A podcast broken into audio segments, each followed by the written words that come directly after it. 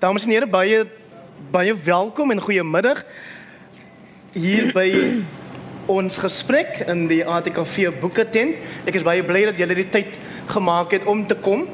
Ehm um, en ek is veral bly vir my paneel wat ingestem het om deel te neem aan hierdie gesprek. Daar's mos nou maar die ou ding dat ons vra dat almal hulle selfone moet afsit, maar dit werk gewoonlik nie. So ons vra sit dit asseblief op silent. Nee, so as iemand jou soek, dan eh uh, dan kan jy nog steeds sien. Ehm um, die badkamers is iewers hier buite, so as jy 'n behoefte het, ehm um, as ek seker jy sal betyds daar uitkom. En dan wil ek vra dat julle uh, die van julle wat op sosiale media is, ehm um, kom ons skep sommer 'n 'n hashtag wat sê hot noot want dit mos nou die titel van hierdie gesprek. Ehm um, en dan kan jy natuurlik ook ATKV in die woordfees asseblief gebruik. Ehm um, my eie uh, uh, Twitter handle sê ehm um, Hein Anie sê Wyngaard online ewe. Wyngaard online en dan as ek ook deesdae op Instagram en hulle sê dis wat 'n mens moet doen as jy gesien wil wees. So uh, my my Instagram um, naam is House of Hein nogal. Ehm um, ek stel dan nou graag my my se lag want dis mos nou eintlik die social media, sosiale media generasie. Ehm um, maar ek het net besluit ek wil nie agterbly nie. Omdat dit dan nou vandag gister internasionale vrouedag was, wil ek dan met die vroue op ons paneel begin. Mercy Kannemeyer het ek nou net um, genoem. Sy is 'n meesterstudent in drama en sy is ook hier by die fees met 'n propvol program besig. Sy doen die regie en verwerking of het dit gedoen die verwerking gedoen en doen die regie van Jean Gosen se roman Ons is nie almal so nie. Party van julle sal dit ehm um, sekerlik onthou. En dan doen sy ook die regie van Laat asseblief. Mm -hmm. Ja. En die bil, die wil nie. Mm -hmm. Sy kan oor dit alles iets sê as sy as sy wil en dan fasiliteer sy ook naggesprekke as deel van die diskoersreeks by die fees naggesprekke moet dan vir jou sê dat dit laat aan gebeur um, wanneer my generasie reeds bed toe is. Dan het ons vir Astrid de Vos sy verteenwoordig die dagbreek trust wat onder meer 6 maandeliks 'n beraad hou met 'n diverse groep Afrikaanssprekende mense en verteenwoordigers van organisasies en ek is bly om jou hier te hê. Ehm um, Astrid, maar ek wil ook net vir gehoor sê, die dagbreek trust het gehelp dat ek hier kan wees vandag met die aeroplane gekom gister. Ehm um, en met 'n kar gery tot hierso. So baie dankie daarvoor. Dis nie hoekom sy op die paneel is nie. Ek, sy sy is hier omdat die dagbreek trust organisasie is wat werk doen om daai brug in soverre daar nog 'n brug is tussen die verskillende Afrikaanse mense te help oorbrug. Right? Reg? En dan langs haar sit hy Gerwel. Hy is nie net die seun van Jakes Gerwel, ek moet dit duidelik maak. Hy is ook deesdae 'n dosent hier op die kampus in landbouekonomie. Hy kan ook daaroor iets sê oor hoe hy nou daar beland, maar eintlik is hy 'n development economist, um, 'n ontwikkelingsekonoom. Ek omring my wel met die beste wat jy kan hoor en hy's vanmiddag hier as 'n trustee-lid van die Jakes Gerwel Stichting. Nou die Jakes Gerwel Stichting het ek genooi omdat die gesprek sy ontstaan eintlik het Hy Jakes Gerwel se doktorale proefskrif van 1997 97. Nee, dis 79. Ek het geskiedenis op skool gedoen, nie wiskunde nie en hoor hoe kom dit nou hier na vore. So Jakes Gerwel het in 1979 sy doktorale proefskrif gedoen en hy het 'n studie gedoen oor hoe wat toe nog genoem is gekleurdes uitgebeeld word in Afrikaanse romans wat tussen 1875 en 1948 geskryf is. Ons verplaas daai verwysing vanmiddag hierna die ervarings van en ek wil nie nou geskied word nie van gekleurdes in die jaar 2019 van ons liewe Heer ehm um, na die ervarings van van mense wat destyds gekleurdes genoem sou word ehm um, in vandag se tradisioneel Afrikaner of Afrikaanse omgewings. Dan hier langs my 'n topkop 'n dik ding in die polisie sê hulle. En hy is Jeremy Weery, majoor generaal. Hoe is dit nou weer? Brigadier generaal. Nee, aan die kant. Generaal majoor. Generaal majoor, né? okay. Okay. Ehm uh, maar hy's hier omdat hy ook sy memoir verlede jaar gepubliseer het, Jeremy van die Elsies. En ek noem hom sommer 'n Facebook filosoof want hy het baie van die stories wat hy aanraak in sy boek het hy alreeds begin vertel op Facebook as ek reg uh, uh, as met 'n volgende korrek. Ja, met 'n volgende. Aan die taal van Jeremy van die Elsies. Dames en here, ek gaan dan net vir julle sê ehm um, oor Mercy se se een stukkie briefees, die Jean Gosen roman wat sy verwerk het vir die verhoog, skryf Letitia Popel en julle sal dit waardeer dat ek hierdie stukkie voorlees.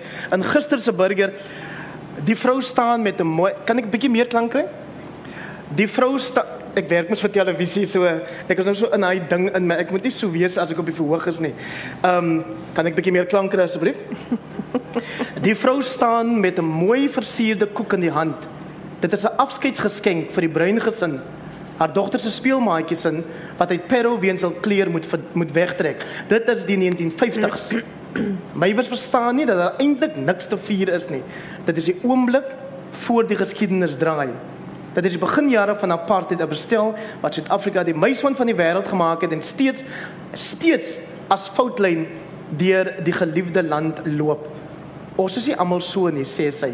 Toe die gesin wegtrek, sonder om die koek te neem. Ek dink dit is 'n baie mooi aanhaling om hierdie gesprek in te lei, maar ek wil julle ook vertel dat ek gister 'n voorloper geskryf het in my rubriek in die burger. Die rubriek se titel se naam is Hiervandaan. En ek moet erkenning gee aan Les Javan wat die tema liedjie geskryf het vir die program wat ek op kyk net en key aanbied. Kol laat ons praat. Die tema liedjie sê hiervandaan, hiervandaan, ons is hiervandaan. En toe dink ek daai is 'n quiet titel vir die vir die vir die rubriek, maar die waarheid is dat ek eintlik hot nood wou gebruik as titel vir die rubriek.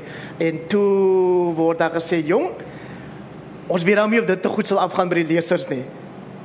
En toe sê ek, "Nee, maar as dit te goed sal afgaan by die lesers nie, dan maak ons dit maar hier vandaan." Maar ehm um, so my ding met hierdie hierdie skepping van Jys Gerwel hot nood wat vir hom beteken het 'n anderste dalk self linkse stem in Afrikaans kom nou al 'n geruime tyd aan en toe vat ek die gap en ek het skrimskaker gespeel toe ek nog 'n bietjie klipruk gespeel het op Caledon. Ek was wel die derde span skrimskaker dames en here. En soos ek altyd vertel, my beste toekenning wat niks met hierdie gesprek te doen het nie. By die rugby klub se beker uitdeling, my ma was baie trots. Sy's nou afgesterwe. Sy het gehuil. Die beker vir besgeklede speler.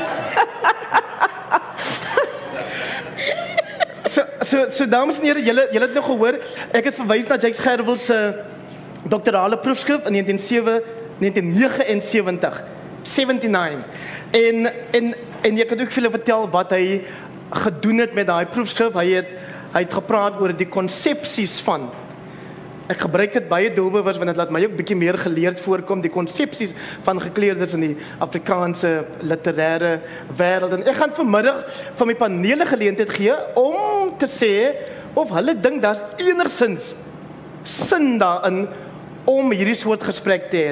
Wat is die ervaring vandag van wat destyds gekleerdes genoem sou word in die tradisionele historiese Afrikaanse of Afrikaner omgewings? Word hulle as gelykes beskou? Beskou jy jouself as 'n gelyke? Word jy beskou as 'n jolly meeloper of as dit 'n geval van jy het maar net saam gekom?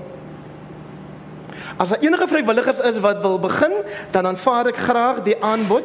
As daar nie is nie, dan begin ons maar hier aan my linkerkant. Enige iemand wat vrywilliglik wil begin met die gesprek. Hulle lyk nie asof hulle gaan aanbied. Jeremy is vrywillig. Ek sê Jeremy, verstaan jy?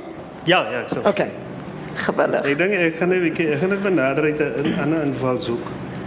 Ehm um, ek het probeer dink hoe in vergelyking met wat met wanneer, jy weet. Toe gaan kyk ek na twee seminale werke van uh, generies swart skrywers. Die een was vir my Arthur Fuller se se ehm um, het dit Johanni Giete beeld, Giete beeld 1954. En ek gaan kyk na die reaksie van een van die beskore literore soos hulle gesê het van die tyd. Kan jy bietjie 'n bietjie harder praat? Een van die beskore literore soos hulle destyds gesê het, Rob Antonissen. Ja. En sy reaksie destyds was baie oordeelvellend. Hy het gesê selfs minder geslaag as die gemiddelde Afrikaanse groot stadsroman. So dit was nou 'n swart Shangaan skrywer wat in Afrikaans vir die eerste keer geskryf het. En dit was hoe sy roman ontvang was. Ek het 'n bietjie dieper gaan kyk na een van die ander groot groot werke, Gitaar my kruis van Adam Smith. En weer eens uh, uh die kommentaar van Antonius en hy sê geheel en allereers in die teken van die aktualiteit, die kleur aktualiteit. In die idiom van die Kaapse kleerling, die agterbuurt kleerling. Ehm um, Dekker in 1966 praat van gitaar my kruis as 'n uh, opsetlike rooste kleerling patois. Oor emfaties emosioneerdheid met bly met emosioneerdheid. JC Kannemeer wie hulle seker almal ken, leef nog leef hy nog? Nee, nee. Ek hoop hy leef nie meer. Want wat hy wel gesê het in 19 in, in 1965 het gepraat van gitaar met kruise, strydspoesie. Ek is trots daaroor wat hy deel alhoewel hy iets anders daarin bedoel het en obsessie literatuur. So as ons nou kyk na daai spektrum van waar ons vandaan af gekom het, dan sou ek sê geweeg teen opgeweeg teen dit het ons aanbeweeg. Ehm um, maar as nog baie werk te doen wanneer dit kom by die kanon kanonisering van van van literatuur uit hy omgewing en wat in die algemeen as literêr waardig dis daar deur beskore literore geag word op universiteit. So dit dit ter inleiding wil ek net daai punt maak. Ja, jy sal vir ons bietjie later vertel ja. oor wat jy dink die ervaring vandag ja. is buite die letterkundige wêreld. Ja. Mercy. Okay, sure. Ehm um, so ek is 24 jaar oud en ek moet baie eerlik sê toe ek hierdie onderwerp gelees het, het ek so 'n bietjie gekringe want dit was so regtig nou alweer nog steeds. Maar ek dink die feit dat dit daar so is beteken dat ons nog nie uitgepraat daaroor en dat dit belangrik is om dan nou aan te gaan met hierdie gesprekke en hierdie gesprekke voer. Maar ek dink die letterkunde speel 'n baie groot rol aan want as ek net dink aan ek was in 2013 in matriek en die boeke wat voorgeskryf was die hele skoolloopbaan deur was as ek dit nou so kan noem die breinwerk was Christmas van Map Jacobs en kan I go huis toe en ek kan nie onthou dat ons enigiets anders reg van breinskrywers op skool behandel het nie en ehm um, Ja, so ek dink dit dit is nog daar daai die 'n sekere uitbeelding. Nie dat daai werk net dat ek weet dit nie dat daai werk ek beskou dit as slegte werk nie. Dis great. Ehm um, ek dink dit, dit met skool speel 'n baie belangrike rol daarin. Maar en dan die tweede ding, dink ek dit hang ook maar baie af soos ehm um, die Jolly Meeloper ding wat jy ook daarvan praat. Hang dit ook baie keer af van die kringe waarin jy beweeg. Ehm um, en die, die kringe waar waarin jy jou dan bevind. Ehm um, ja, en ek ek wil nog gaan so punt daarvan maak om nie ek weet nie, ek kom ook van PE so ek ken nie regtig Kaapse brein mense nie, maar nou dat ek al so lank hier so is, leer mense ook daarvan. Is ek wil nie regtig stereotypiese werk bevoeg sit nie.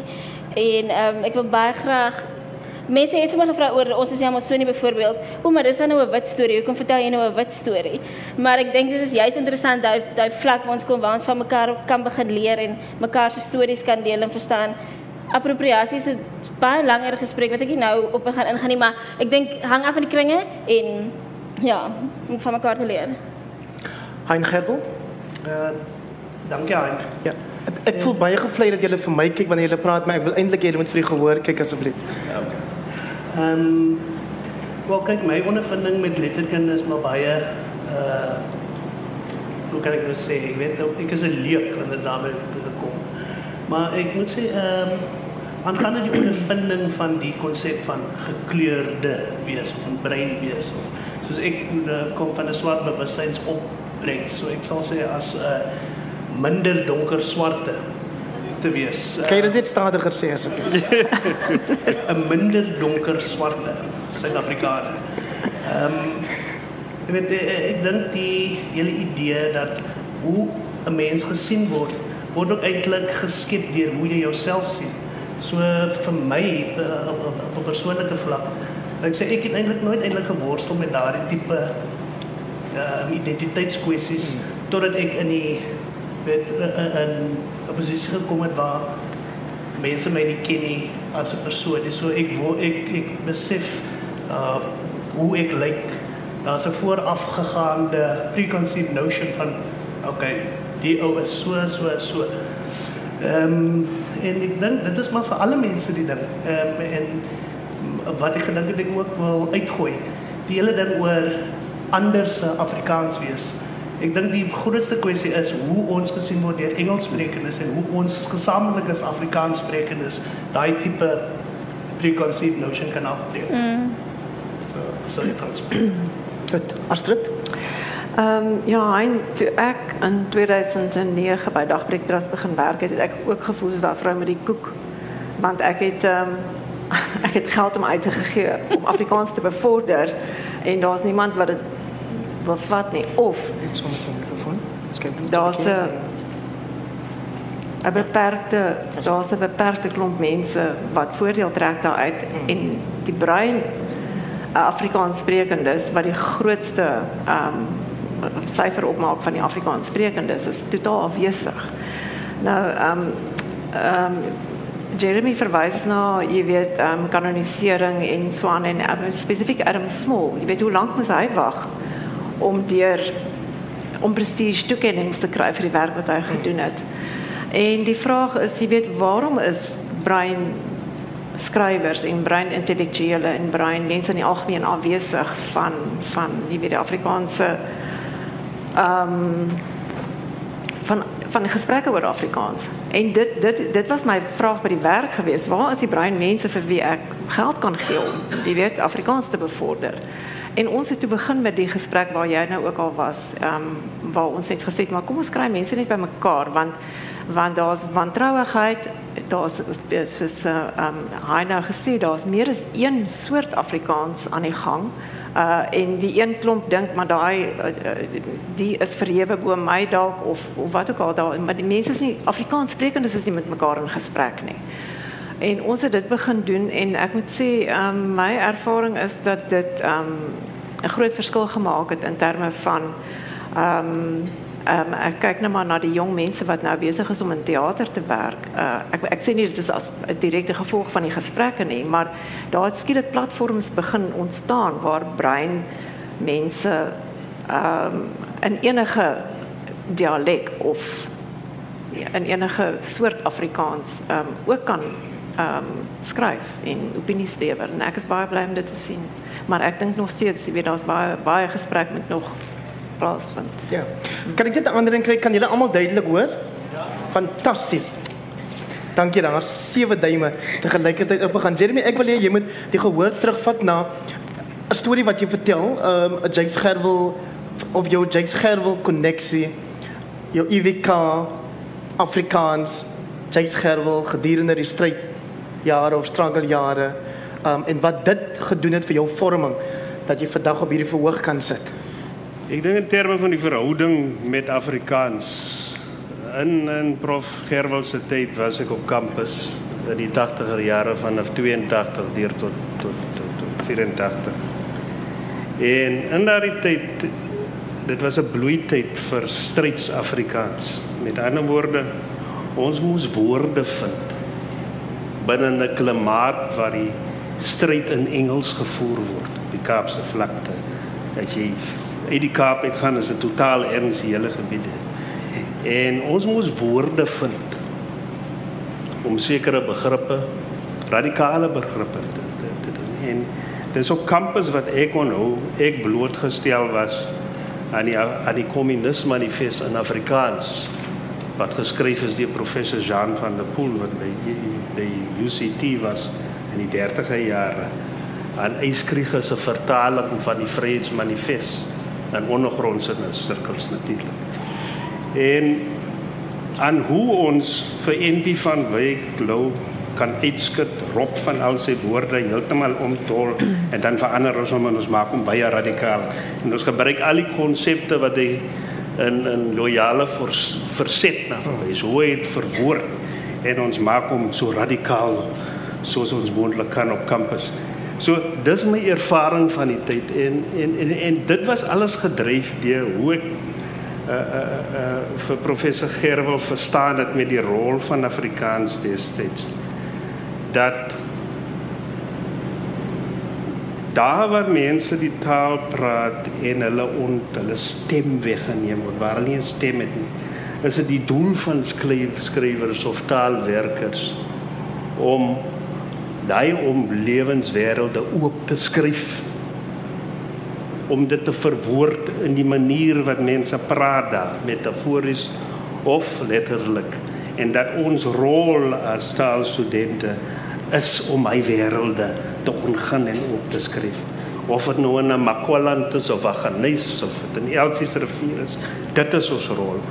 Want daar is nie eens anders in die koerante of oral word on men, ons mense se lewens so verstem nie of so oorgeskryf nie en dis ons dis hoe ek die rol van Afrikaans verstaan het soos hy wou hê ons dit moet gebruik. Was dit ook jou uitgangspunt dit was my jy, uitgangspunt ja. Toe jy jou boek geskryf ja, het? Ja, toe ek geskryf het en en ehm um, ek het soveel as moontlik gevorme van die taal soos ek dit gebesig het van kleins af.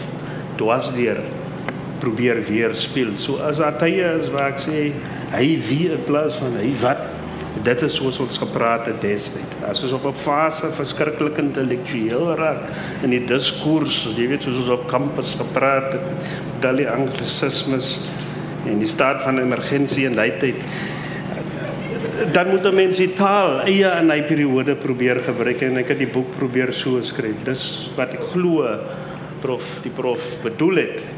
En as jy nou kyk na die terugvoer wat jy kry, nie net van letterkundiges nie, maar van gewone lesers mense wat nie noodwendig vertroud is met daai wêrelde, daai lewenswêrelde wat jy oopskryf in jou boek nie, vind jy dat hulle 'n groter waardering daarvoor het of dat hulle confused is? Nee, my Auntie Rosie is nie confused nie. Sy is die okay. eerste een wat dit gekry het in appelboot in die Tiefling. Ek sê maar Tiefling want ek kan nie vir my Auntie sê as die ding se naam is Ravensmead is dit. Maar sy sê nog Tiefling. Ehm um, soos hy het gelees het en soos ek al gehelp het deur die meer intellektuele dele van die boek het sy kon sy waarde in 'n lewensruimte sien in haar ervaring en ganga was 'n mate van trots wat gekom het met die feit dat hierdie klomp Jeremy kom hier vandaan dis hy kom vandaan en hy skryf soos hy kom vandaan en hy en hy en hy en hy, en hy, en wys wat hy uit sy kom vandaan geleer het, nie buite as hy leer die leer die wêreld van sy kom vandaan nie. Nee, dit daar was 'n trotsheid. Ek dink aan wat Antie Rosie en die baby en ons praat net so daarso. Ehm um, en en die vername vroue invloede in my lewe groot geword het. Vir my was dit belangrik dat hulle gebak word. En dan kan nie anders maak kom. Maar as jy sê jy is nie gemaklik daarmee om stereotypiese werk op die verhoog te sit nie.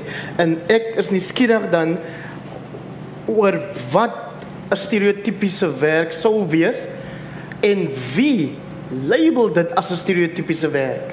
Hmm. Ek dink as mense baie keer of nou in teater of so praat van 'n brein storie dan dink mense baie vinnig dat dit 'n gangster storie gaan wees. En ek dink party mense is nou baie ver verby daai gesprek, maar dit is nog 'n realiteit dat ehm um, dat dit so gelabel word en ek dink die mense die mense wat dit so label is ek buitekant. Ek dink nie dit is noodwendig in die kring nie, maar dit is miskien nie 'n teatermens of nie 'n letterkunde mens. Ehm um, Jan Alleman sal ek sê sonder dat ek ek wil nou nie mense onderskat nie. Ek wil glad nie mense se intelligensie onderskat nie, maar ehm um, nou dit, dit kom nog voor dat veral ook as daar nou ek en my vriende altyd so joke gehad as hy audisies uitgaan en hulle soek nou 'n breinmens wat moet speel en soos okay, moet ek nou die skoonmaker gaan speel of ietsie soos dit, want dit sou baie keer in audisies sal dit so wees, maar ek dink en ek is bly dat die gesprek nou al verder as dit is. So uh, ja. En dat dit nie noodwendig soos daar's baie goeie goed nou op TV um, soos Suidooster, Arendsvlei wat brein mense in posisie sit waar hulle nie soos die stereotypiese rolle vervul nie, maar dit is nou die hoof van die maatskappy of wat ook al en dit is baie opwindend die rigting waarin ek dink die rigting waarin Afrikaans beweeg is baie opwindend. Hein, wil jy iets sê oor jou ervaring as iemand met soos wat jy genoem het 'n swart bewussynsagtergrond en dan kom jy op 'n kampus aan met 'n bepaalde geskiedenis, 'n bepaalde rol in ons land se geskiedenis en en dalk ook in die Afrikaanse spesifieke geskiedenis en plek in wat gebeur het in die land en wat besluit is in die land in 'n tyd wat nie meer is nie. Ehm um, eintlik uh, jy weet uh, ek gaan jou beantwoord oor my stel. Jy's Hein, ek is Heinrich. Ek is skoon Heinrich. oor die groot ondervinding.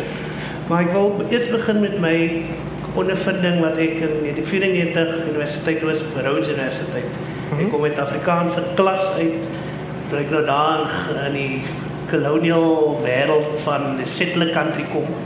Jy weet om net Engels te praat was vir my 'n nuwe ding. En ehm um, daai wat ek nou gesien wat mense jy weet so dit was 'n 'n nuwe tyd waar ek eintlik vir die eerste keer op 'n gelyke vlak met wit mense wat nie my pa se vriende was jy moes uh, by mekaar kom en leer te, te negotiate hoe om met mekaar te lewe. En hy het uh, idees, baie vrae wat ek gekry het, but why do you have teeth? Ja, so die is kom jy tande. En jy het mos nie tande nie. Dit was iets wat ek baie moes besit. Ja. Ouma, ouma jy praat dan mooi Engels. Ja, so, so daai tipe idees wat wat wat uh, vir my op daai tyd nie was. En so weet as 'n jong mens en dit was baie irriterend, dit gekrap in jou sin van menslikheid, maar ek dink dit het my eintlik uh voorberei vir wat dan laat kyk ek nou wat ek sê dis dit 'n uh, 'n eer of 'n uh, om nou al by al drie universiteite hier in die Weskaap te gaan onderwys te gee. En ek moet sê my ondervinding hierso is so tot dusver, ek gaan nou nie die ander twee noem nie ehm um, baie meer positief as wat ek voorheen uh, ondervind het. Nie net in die hoe uh, ek ondervind word deur my uh, mede kollegas en so voort nie, maar ook die tipe ordentlike respekvolle manier wat studente met ehm um, uh, dosente hierso uh, verkeer. Dit ek um, as ek nou moet terugdink by by UCT nog klas gegee het en dan ehm um, sal ek in die begin van die van my module vroeg klas toe kom voor in die klas gaan sit. Studente kom in, men praat en jy weet as die tyd daar begin ons nou raas, dan staan ek op. Dan staan agter die lectern.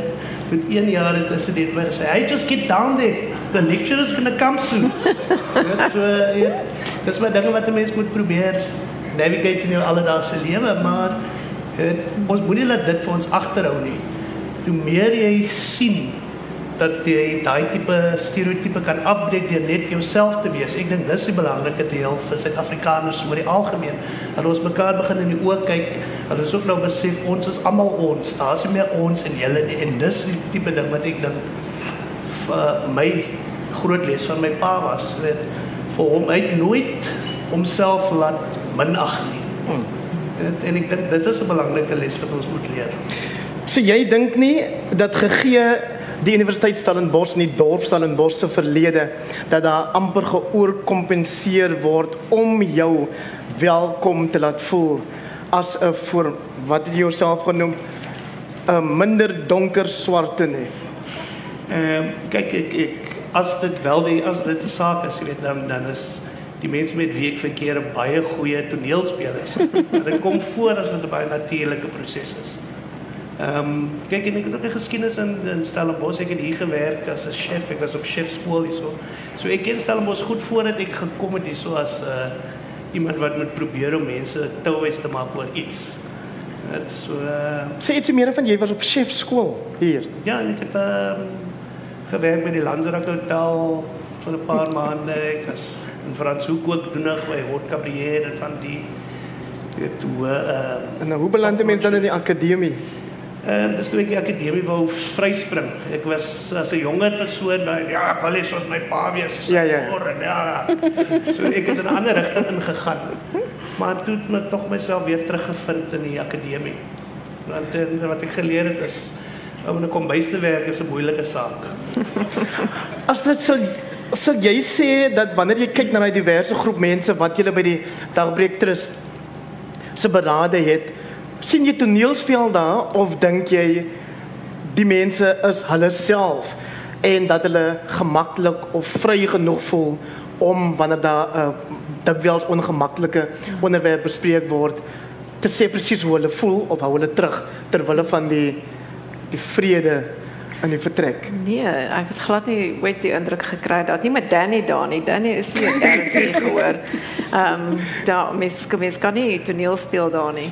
Nee, 'n absolute eerlike gesprek. Dit was dis moeilik. Die eerste gesprek was moeilik geweest want ehm um, dit is die ehm um, praat van ons en julle en daar's nog steeds baie ons en julle en met die eerste gesprekke was dit ehm um, dis is dis makliker vir die ou wat die koek bring om te sê jy weet alles vergeven en kom ons kom ons praat met mekaar oor goeders maar die die die die ehm um, die ding wat aan die pad staan van van gesprek is dat daar's sekere kwessies wat ehm um, wat eers uit die weg geruim moet word en uh, en dit kom van jy weet dit, om vertroue te skep jy weet ehm um, jy kan ook nie vir 'n ou vir dekades lank um homself um skaam laat voel oor die Afrikaans wat hy gebruik en die en die goed wat hy skryf in die in die in die goed wat hy doen.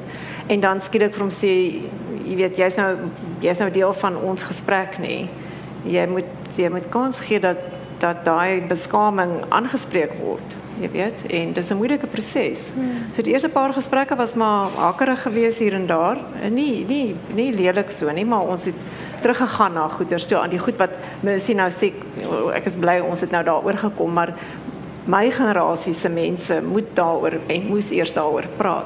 Is daar spesifieke kwessies wat jy in gedagte het of wat jy kan ophal uit daai gesprekke uit?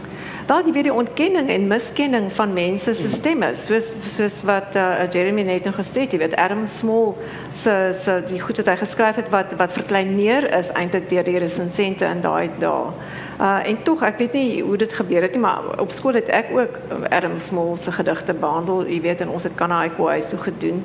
Uh maar hy het nie verering gekry deur groot pryse te wen of jy weet het, hoe dit ook al sê, jy weet, maar daai miskenning van die waarde van mense se bydraes en en en gaan wonder uh die breinstem het stil geraak nê jy weet en hoekom sal jy aanhou skryf teen 'n teen 'n muur vas, jy weet so. En eh, ek praat nou van regtig lank gelede. Ek hmm. dink ek hoop dit is anders nou. Ek bedoel, jy weet ouens soos Jeremy wat nou wat begin skryf en en wat so skryf dat dit nie ons en jy is nie. Dit is nie net die breingemeenskap wat sy boek wil lees nie. Hy skryf oor 'n oor 'n wêreld wat enige iemand wil ontdek en uh, en en 'n taal wat enige iemand graag wil lees en en ek hoop jy weet dit meer en meer sal gebeur. Ja, dames en here, ons gaan geleentheid gee vir julle om vrae te vra, kommentaar te lewer, te verskil met die paneellede met myself. Um in die laaste kwart van die gesprek, min of meer die laaste kwart van die gesprek. En dan wil ek net erkenning gee aan ons praat nou die hele tyd van Prof Jakes Gerwel hierso. Sy vrou Phoebe Gerwel is ver oggend vanmiddag hier saam met ons. Ek waardeer dit persoonlik baie dat sy hier is en ek is seker julle doen ook. Dan gaan ek vir Jeremy vra of jy iets wil sê oor van die kwessies wat Astrid nou daar aangehaal het of kan ek jou maar 'n uh, goalbal gooi? Bal. Ja, ja nee, ek wil nou sê nee, ek het net so gepraat van Stellenbosch, né? Ons het dan so tussen EWK kom, ek was in sport betrokke op Stellenbosch. Ek was in EWK se sypspan die in, in, in 1983, ja, het ons vir Stellenbosch geklop in die intervarsity Suid Olimpiade op UWK. En ek wou sê ons het gewen daar, né? Alhoewel ek in die blitssyp afdeling uh, gesneuwel het, het ons van mooi daardeur kom. So daar was hierdie weder sê dit interessant genoeg. Dit was nog 'n literêre Afrikaanse studente wat so saam gesyp het. Maar soos ons almal gesyp was, het nee, was ons almal dieselfde. Nee, ons het dieselfde Afrikaans gepraat. Was jy presies? Ja, sis Afrikaans of Stellenbosch nie. Want as jy dronk is, dan klink alles dieselfde. Nee, dan nie. Die, die tweede, ek wil sê daar was 'n ervaring hier wat ervaring hier wat wat 'n bietjie grense gebreek het destyds. Baie alle ander meer ervarings tussen die IWK weet ek vitaal vlak in in die kant gefasiliteer die natuurlik uh, die Afrikaanse Nederlandse fakulteit destyds uh, buite die SEP omgewing. Maar ja, nee, ah, ons het mekaar gevind op 'n vaar op 'n stadium. Okay. Mercy ek het hierdie berig saamgebring.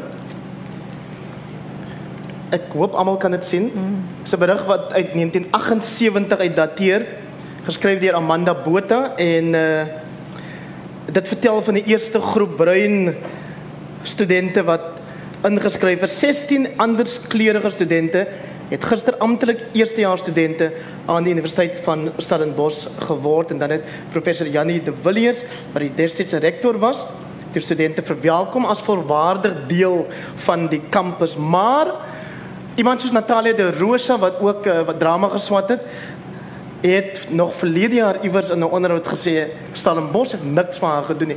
Ek wil nie nou vinger wys na Stellenbosch nie. Ek praat gewoon oor die ervaring van daai eerste grosbrein studente dat sou op enige ander kampus kon wees. Ehm um, maar omdat jy hier is, as ek tog nie skieurig oor as jy sê hoor die mense man, kan ons bietjie wegkom van die hierdie gesprekke Ek sal nie sê wat jy op die sypaadjie vir my gesê het vroeër nie.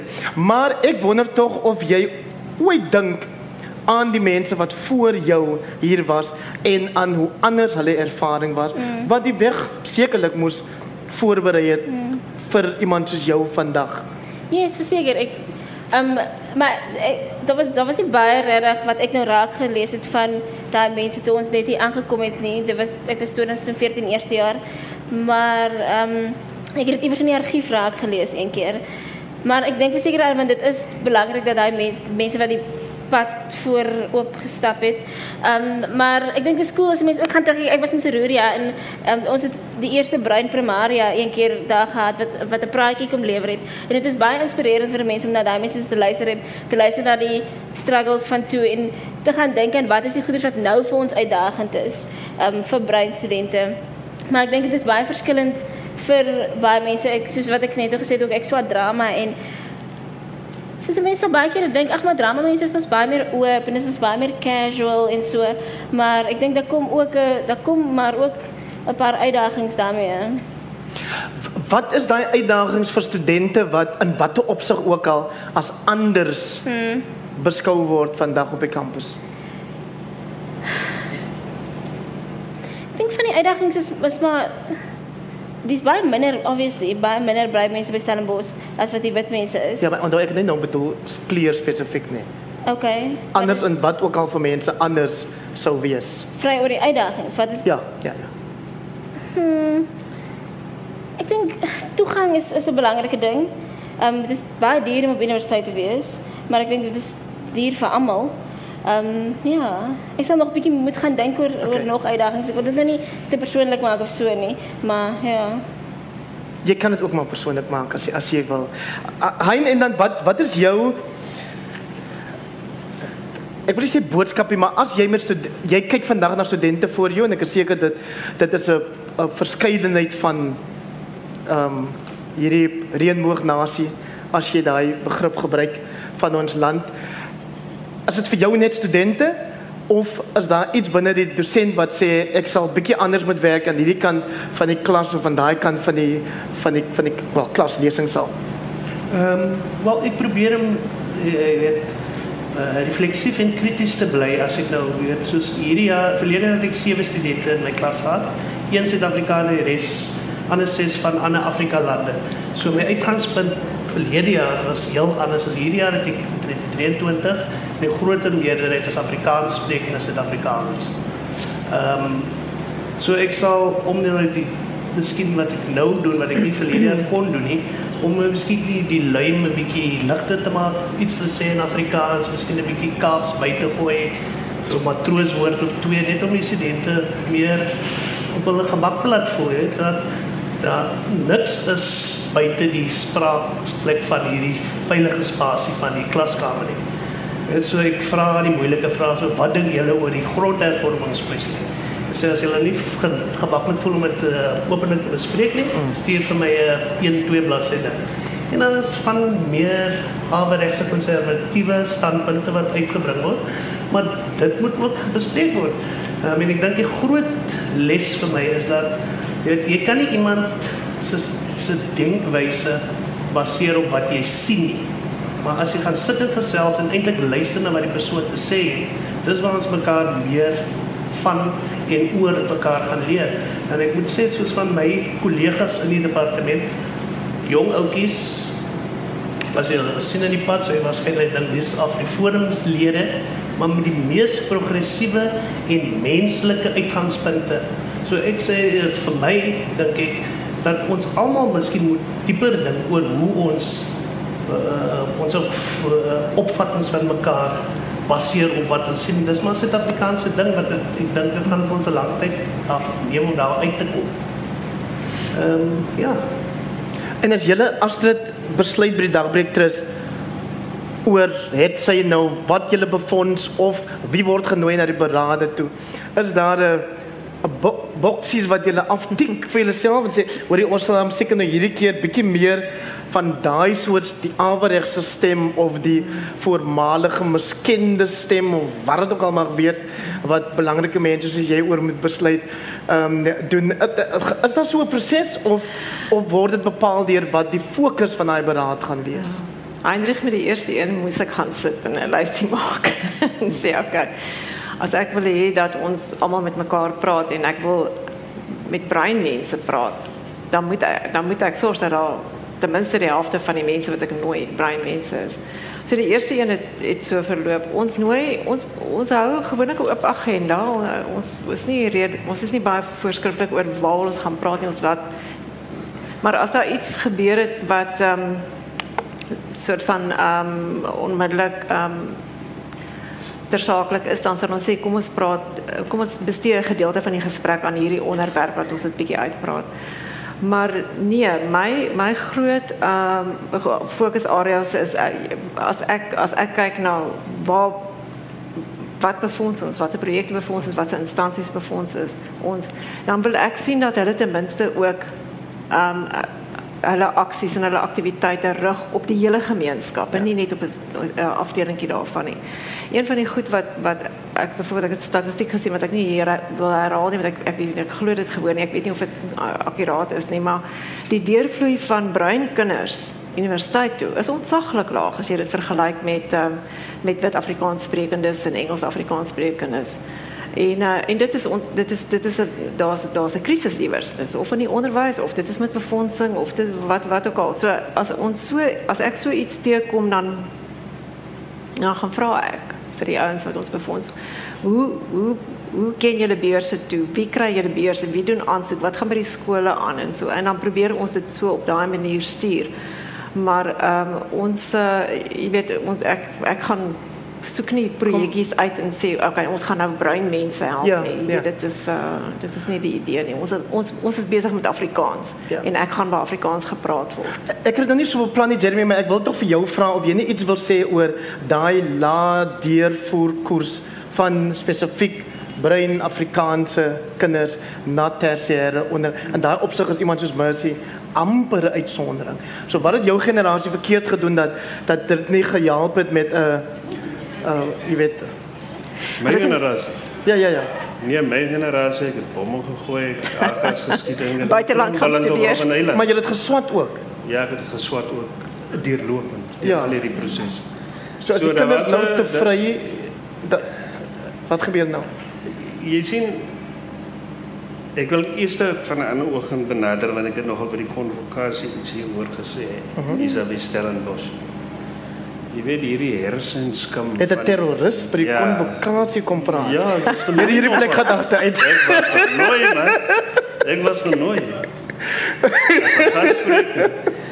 maar ek het gepraat van hierdie akademiese wanbeeld of hersenskam van die plattelandse kind.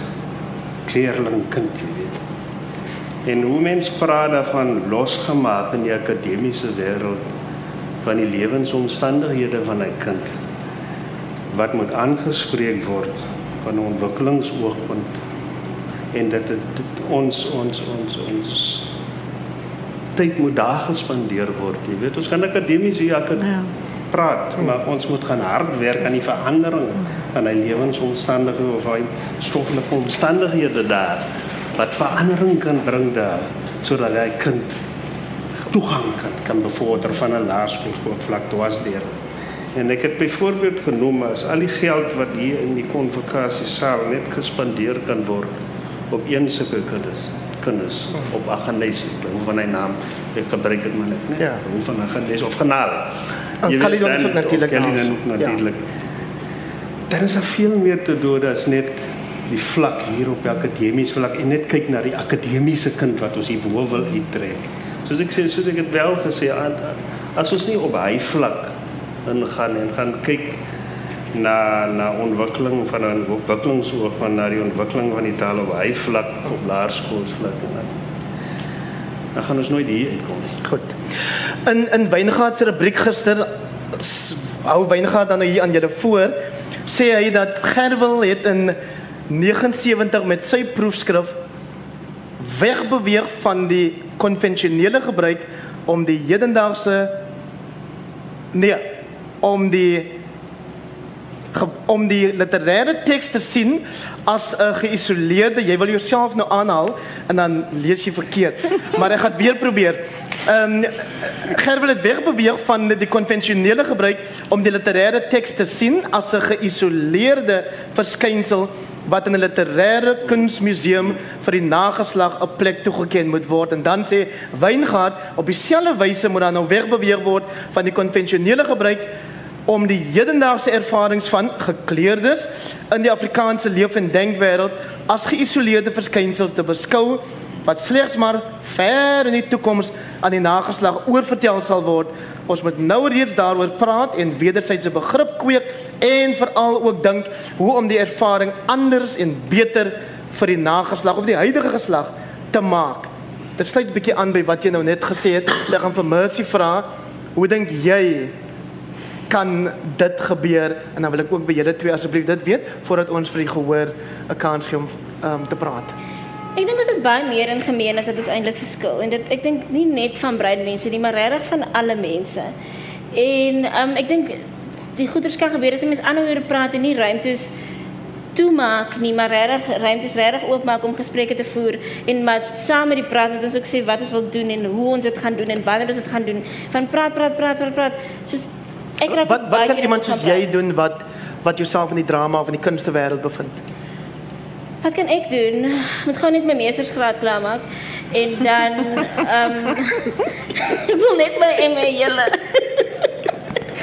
en dan sal ek ehm um, aanhou skryf en aanhou skep en aanhou eerlike stories okay. vertel. Fantasties ja. Okay. Ehm um, net om aan te val hier met my my sis se begeerte vir 'n M. So ek dink 40 jaar later moet die professor se seun nou ook nog klaar kry met sy doktersgraad.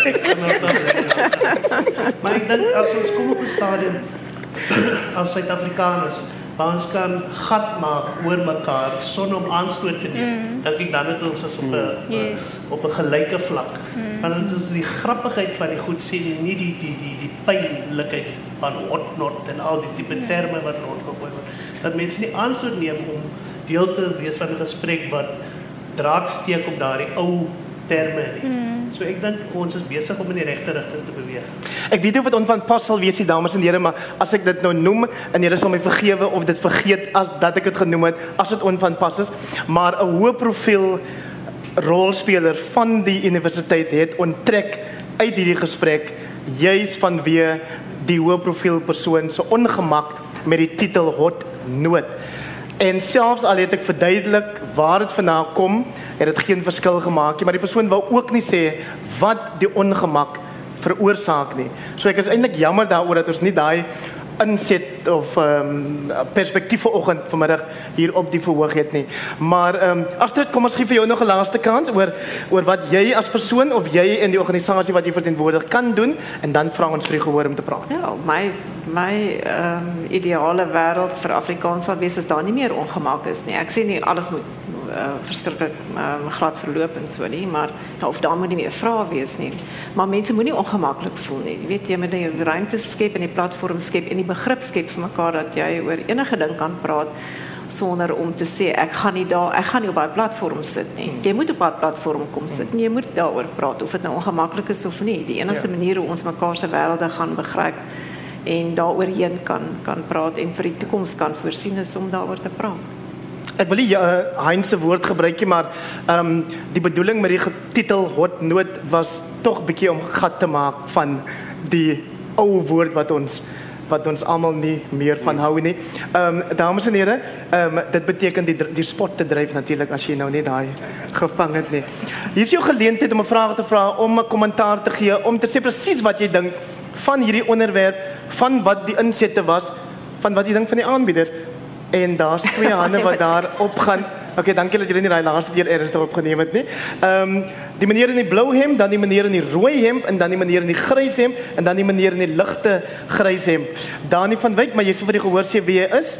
Ehm um, ek is Dani van Wyk. Ek woon in 'n gehoogie nie ver van hier vandaan die Kuilsrivier.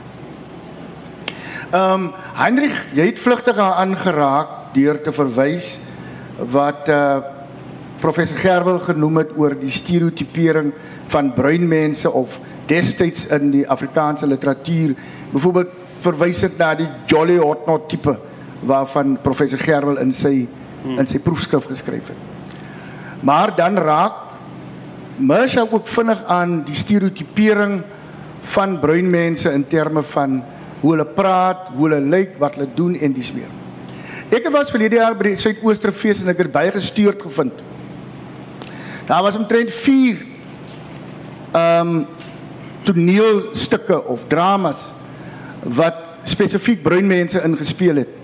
En jy kon 'n 'n 'n reguit lyn trek soos 'n goue draad in terme van waar die toneel afspeel, hoe dit gepraat word, wat die agtergrond is daarvan en dis met dis meer.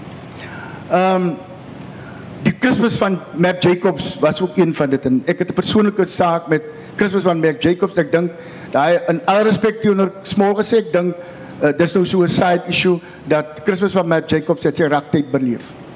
In terme van ons kan nie voortgaan met die stereotipering nie. Want wat ek vind waarom ek dit noem is dat selfs breinskrywers wat vandag toneelstukke skryf, skryf dit in daai milieu dat alle breinmense praat so Alle breinmense voortande is getrek hein.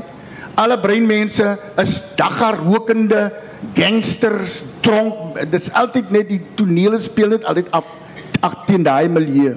En ek het 'n ernstige probleem daarmee. My naam is Skolly en alles wat daarmee gepaard gaan. Ek wil duisend vra en my moontlik my vraag aan die aan die paneel is hoe gaan jy daai stereotipering afbreek om te wys soos die destydse ehm um, Bill Cosby, ja, ek praat nie oor wat mag daarna gebeur het nie, waar hy spesifiek, ek is klaar. Waar hy spesifiek die Cosby show begin het om vir die res van Amerika te wys swart mense uh, is nie net die gangsters en die mense wat in tronk is maar is wel suksesvolle swart mense. Net soos daar suksesvolle brein mense wat ek glo ons stories rondom kan opbou. Dankie. Ba baie baie dankie vir daai inset Dani van Wyk. Ek dink Mercy het reeds op 'n manier geantwoord toe sy verwys het na Suidooster byvoorbeeld die sepie wat ons vandag sien ek gaan nou steeds geleentheid gee om daarop te reageer. En dan wil ek tog net vra vir die volgende sprekers. Hou dit asseblief 1/3 so kort as van wat die vorige spreker julle mislei het met sy lang inset. Baie dankie Heinrich. Uh, my naam is Quentin Adams. Uh, ek is 'n sielkundige van beroep en ek werk in plakkerskampe in die Weskaap. Ehm um, ek het heel oggend in Kailicha Afrikaans gepraat in die plakkerskampe terwyl ons soule lampies gee vir mense wat in donkerte slaap. En daar was twee spesifieke vrae wat my getrek het na vandag se gesprek toe. Word ons as gelykes beskou? Het ons maar net saamgekom of ons ons jolly meelopers? Nou ek wil nie oor die jolly meelopers want dit is 'n perspektief, dis 'n stereotipering dat ons beskou word baie keer as jolly meelopers.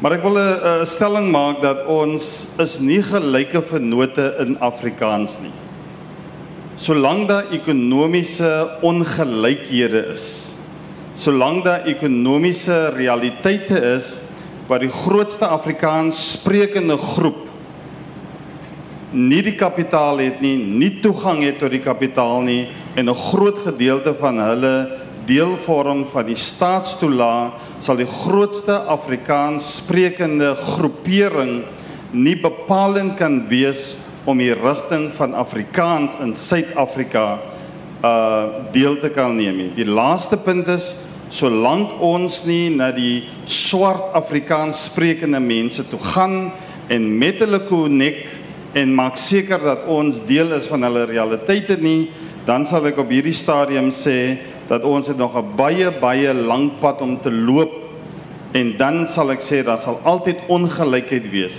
Sodra ons nie deel is van die kapitaal nie, sodra ons nie deel is van besluitneming oor hierdie instansies en feeste wat gehou word waarvan ons nie deel is van die kapitaal nie, Ja. sal dit 'n baie lang debat wees. Baie baie dankie daarvoor. Dennis Malgas en dan Dr. Denny Tuyter asseblief. Die mikrofoon sal nou daar wees.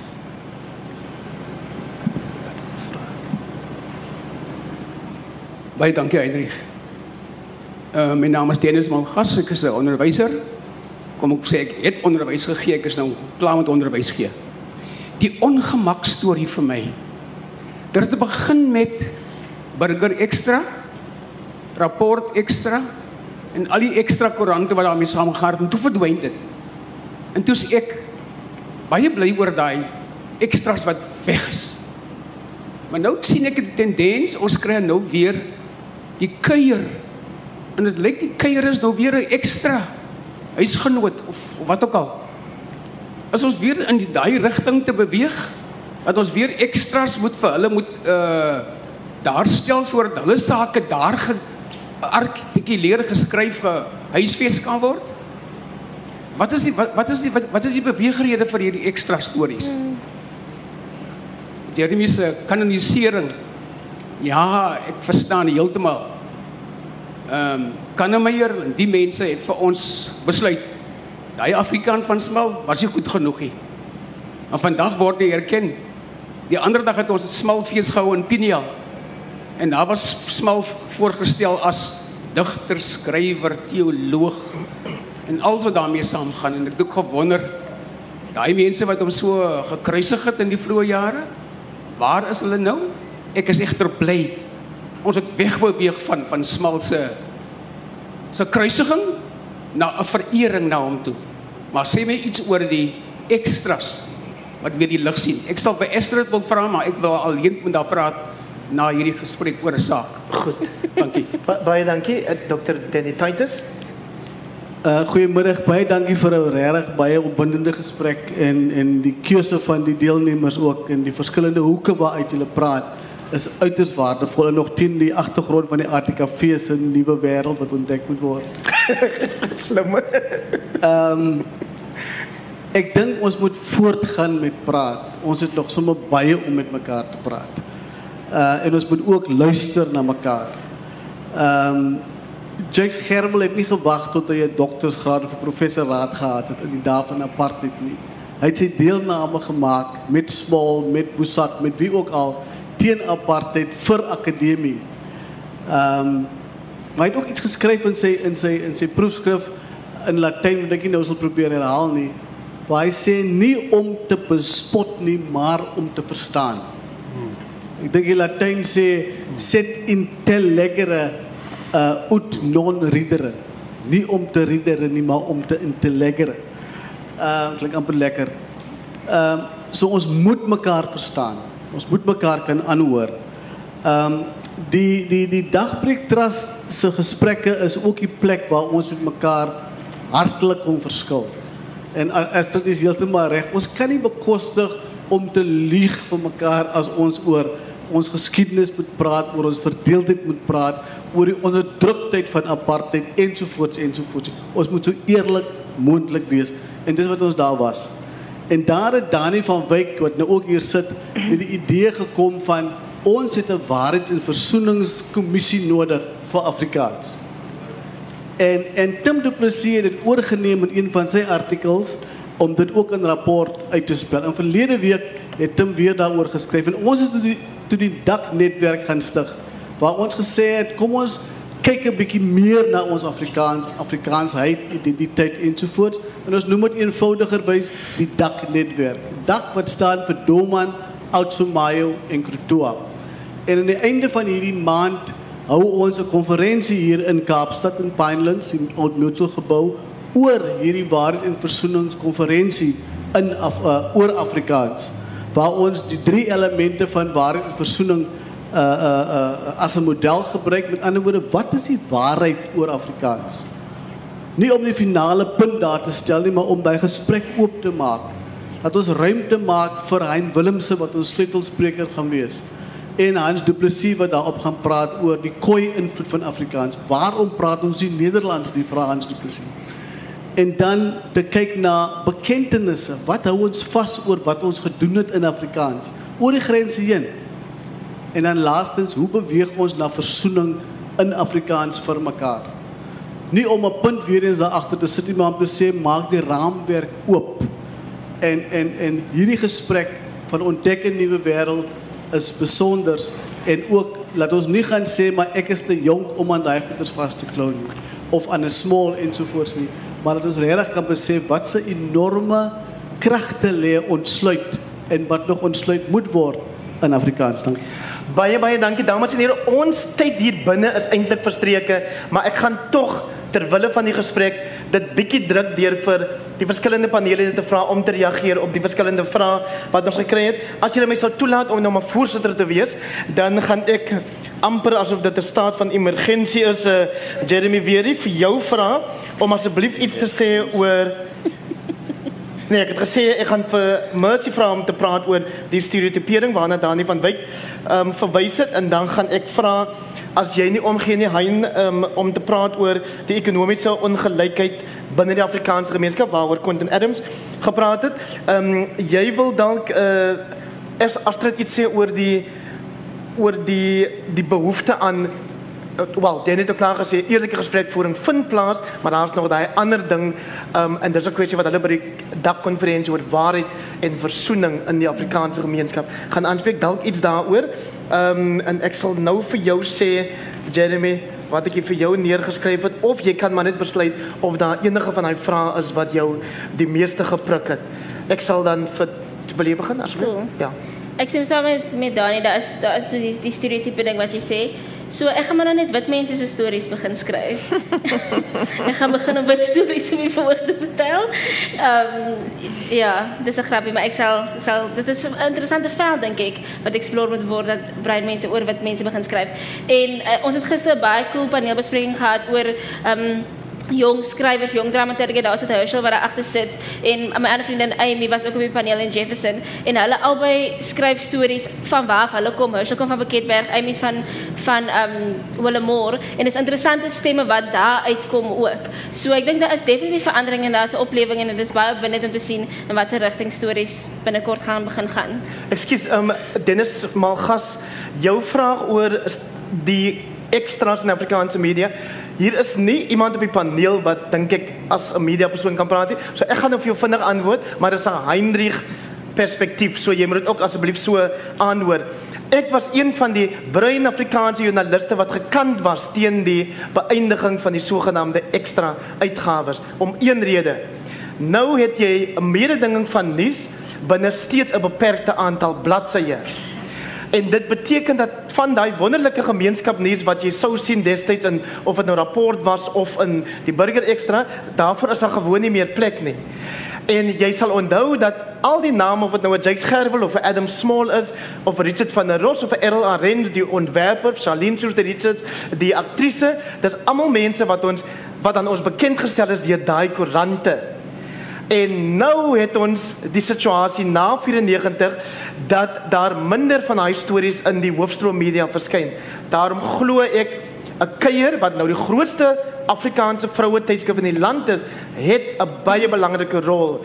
Daarom glo ek ongemaklik soos wat ek baie keer is met die inhoud van die son dat daar steeds 'n behoefte is aan daai soort publikasie wat darm op 'n manier nog um dekking gee aan ons gemeenskappe. En dan is dit ook so dat Danny Tyter wat daar langs jou sit, Dani van Wyk wat daar oorkant sit, Quentin Adams wat wat daar langs hom sit, Wyngaard hier op die verhoog, as almal stemme wat jy deesdae op die middelblaaie van die Afrikaanse koerante kan lees en wat jy op RSG gereeld hoor. Daar sit Kenneth Makateers mense ek wil hê um um dat hy moet weet ek ek sien hom raak want hy was een van die mense toe hy nie baas was van die SAK in die Weskaap, maar nog net 'n verslaggewer was, het hy in die na 94 periode gehelp dat ons stemme ook gehoor word op die SAK op RSG destyds. So hy het toe reeds 'n rol gespeel en Naomi is hier van Litnet. Litnet doen 'n fantastiese job vandag om seker ook te maak dat ons hierdie diverse stemme in Afrikaans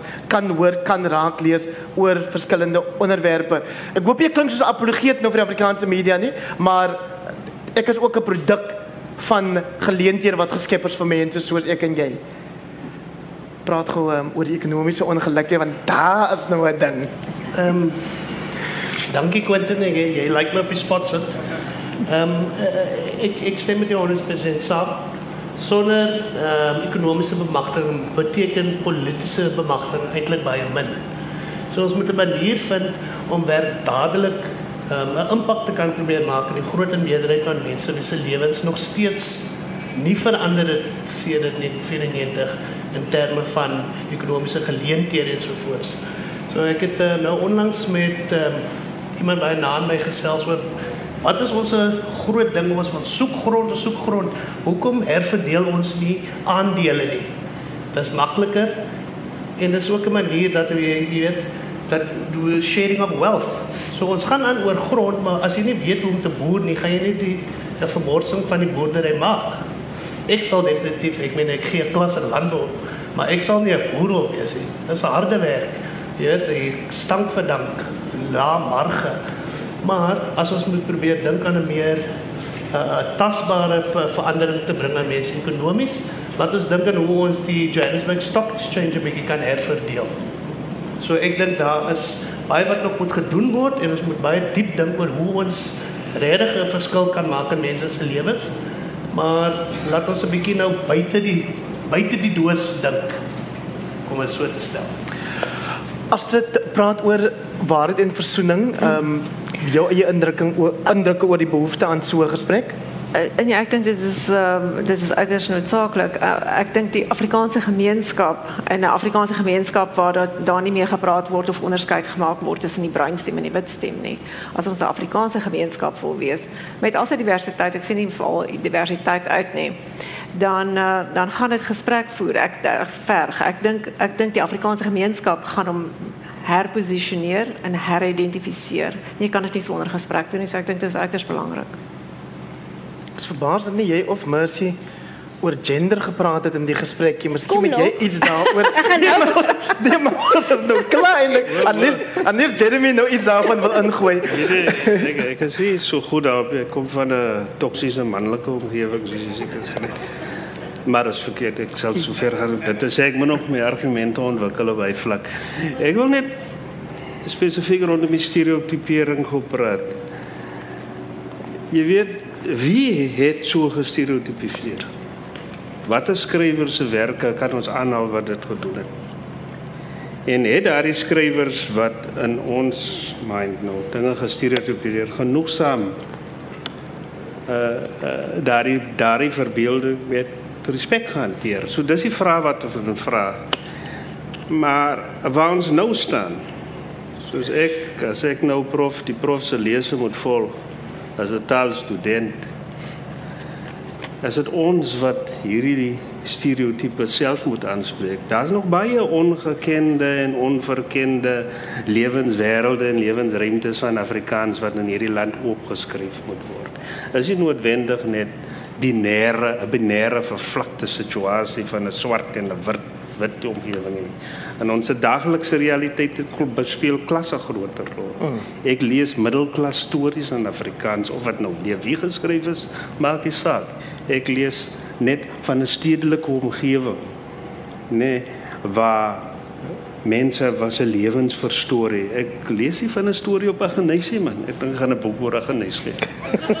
Ehm um, of stories uit genaal het jy weet waar waar waar waar 'n mens werkersklas ervaring ons die arme mense se ervarings kan verwoord en verbeeld in 'n manier wat ons in 'n respekvolle wyse kan hanteer. En ek dink dis veral vir my ons taak wanneer dit kom bestuur want as ons praat van stereotipifisering dan praat ons van die werkersklas Kaapse vlakte omgewing en dit moet ander herskryf word dit anders geskryf maar dit dit lê by u dit lê by my dit lê by almal jy weet dis net wat ek wil sê Baie baie dankie en baie baie dankie weer eens vir Jeremy Weery, Mercy Kannemeyer, Hein Gerwel, Astrid De Vos en Hendrik Weingart vir hierdie gesprek vanmiddag dames en here. Baie dankie dat julle gekom het. Dit was absoluut fantasties.